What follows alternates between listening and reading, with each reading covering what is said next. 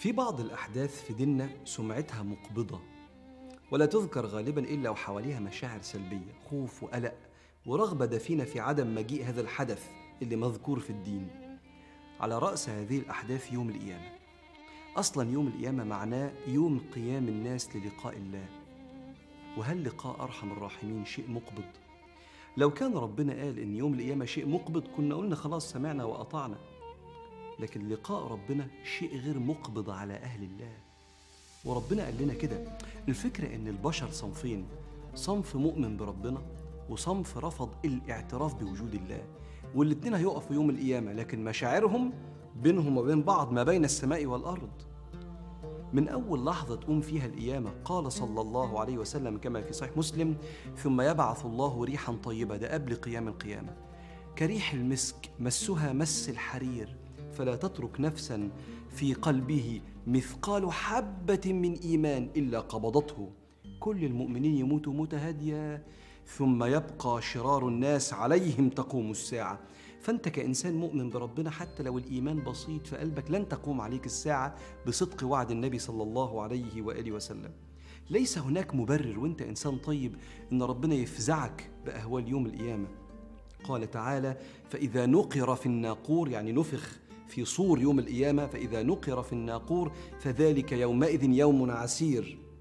على الكافرين غير يسير على الكافرين. وأنت هتبعث بين يدي الله عز وجل وحواليك ملائكة بتبشرك وتثبتك. وده وعد ربنا سبحانه وتعالى اللي بيطمن بيه قلوب الناس اللي اختارت ربنا. بسم الله الرحمن الرحيم. ألا إن أولياء الله لا خوف عليهم ولا هم يحزنون. الذين آمنوا حضرتك الذين آمنوا وكانوا يتقون. لهم البشرى في الحياة الدنيا وفي الآخرة. لا تبديل لكلمات الله. ذلك هو الفوز العظيم. آه أنت بتغلط بس أنت بتتوب. ودي صفتك اللي ربنا بيحبها. ما دمت كثير الرجوع والتوبة بين يدي الله. يوم القيامة ربنا جبر خاطر سيدنا محمد عليه الصلاة والسلام بمشهد مطمئن جدا. قال صلى الله عليه وسلم عرضت علي الأمم يعني مشهد الأمم يوم القيامة. فأجد النبي يمر ومعه الأمة والنبي يمر ومعه النفر والنبي يمر ومعه العشرة والنبي يمر معه الخمسة والنبي يمر وحده ليس معه أحد. فنظرت فإذا سواد كثير. قلت يا جبريل هؤلاء أمتي؟ قال لا. ولكن انظر إلى الأفق بص هناك كده. فنظرت فإذا سواد كثير. قال هؤلاء أمتك. وهؤلاء قدامهم كده سبعون ألفا قدامهم لا حساب عليهم ولا عذاب. دي الأمة قدامهم سبعين ألف واحد داخلين الجنة من غير حساب ولا عذاب. دول اللي ربنا قال فيهم ويا رب نكون منهم. إن الذين سبقت لهم منا الحسنى أولئك عنها مبعدون. أنت بعيد عن أهوال يوم القيامة. لا يسمعون حسيسها صوت النار. وهم فيما اشتهت أنفسهم خالدون لا يحزنهم الفزع الأكبر. وتتلقاهم الملائكة هذا يومكم اليوم يومك هذا يومكم الذي كنتم توعدون. لو مر بيك الفزع أنت هتفزع ولو رأيت من يفزع أنت هتحزن. وربنا قال لك لن تفزع ولن تحزن. يوم القيامة ده يوم الميت رحمة. اللي برحمة منهم في الدنيا الناس غرقانة والمخلوقات في رحمة ربنا.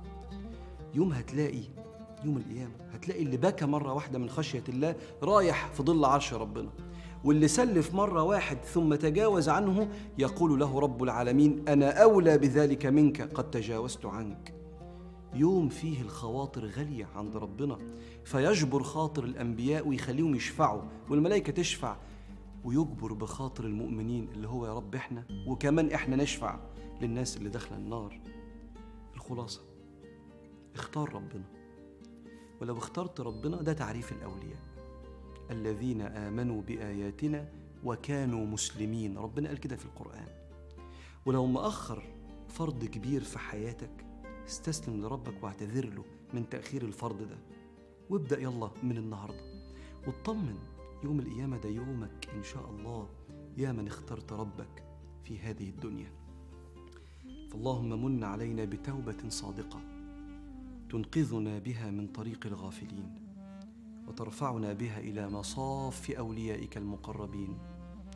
برحمتك يا أرحم الراحمين.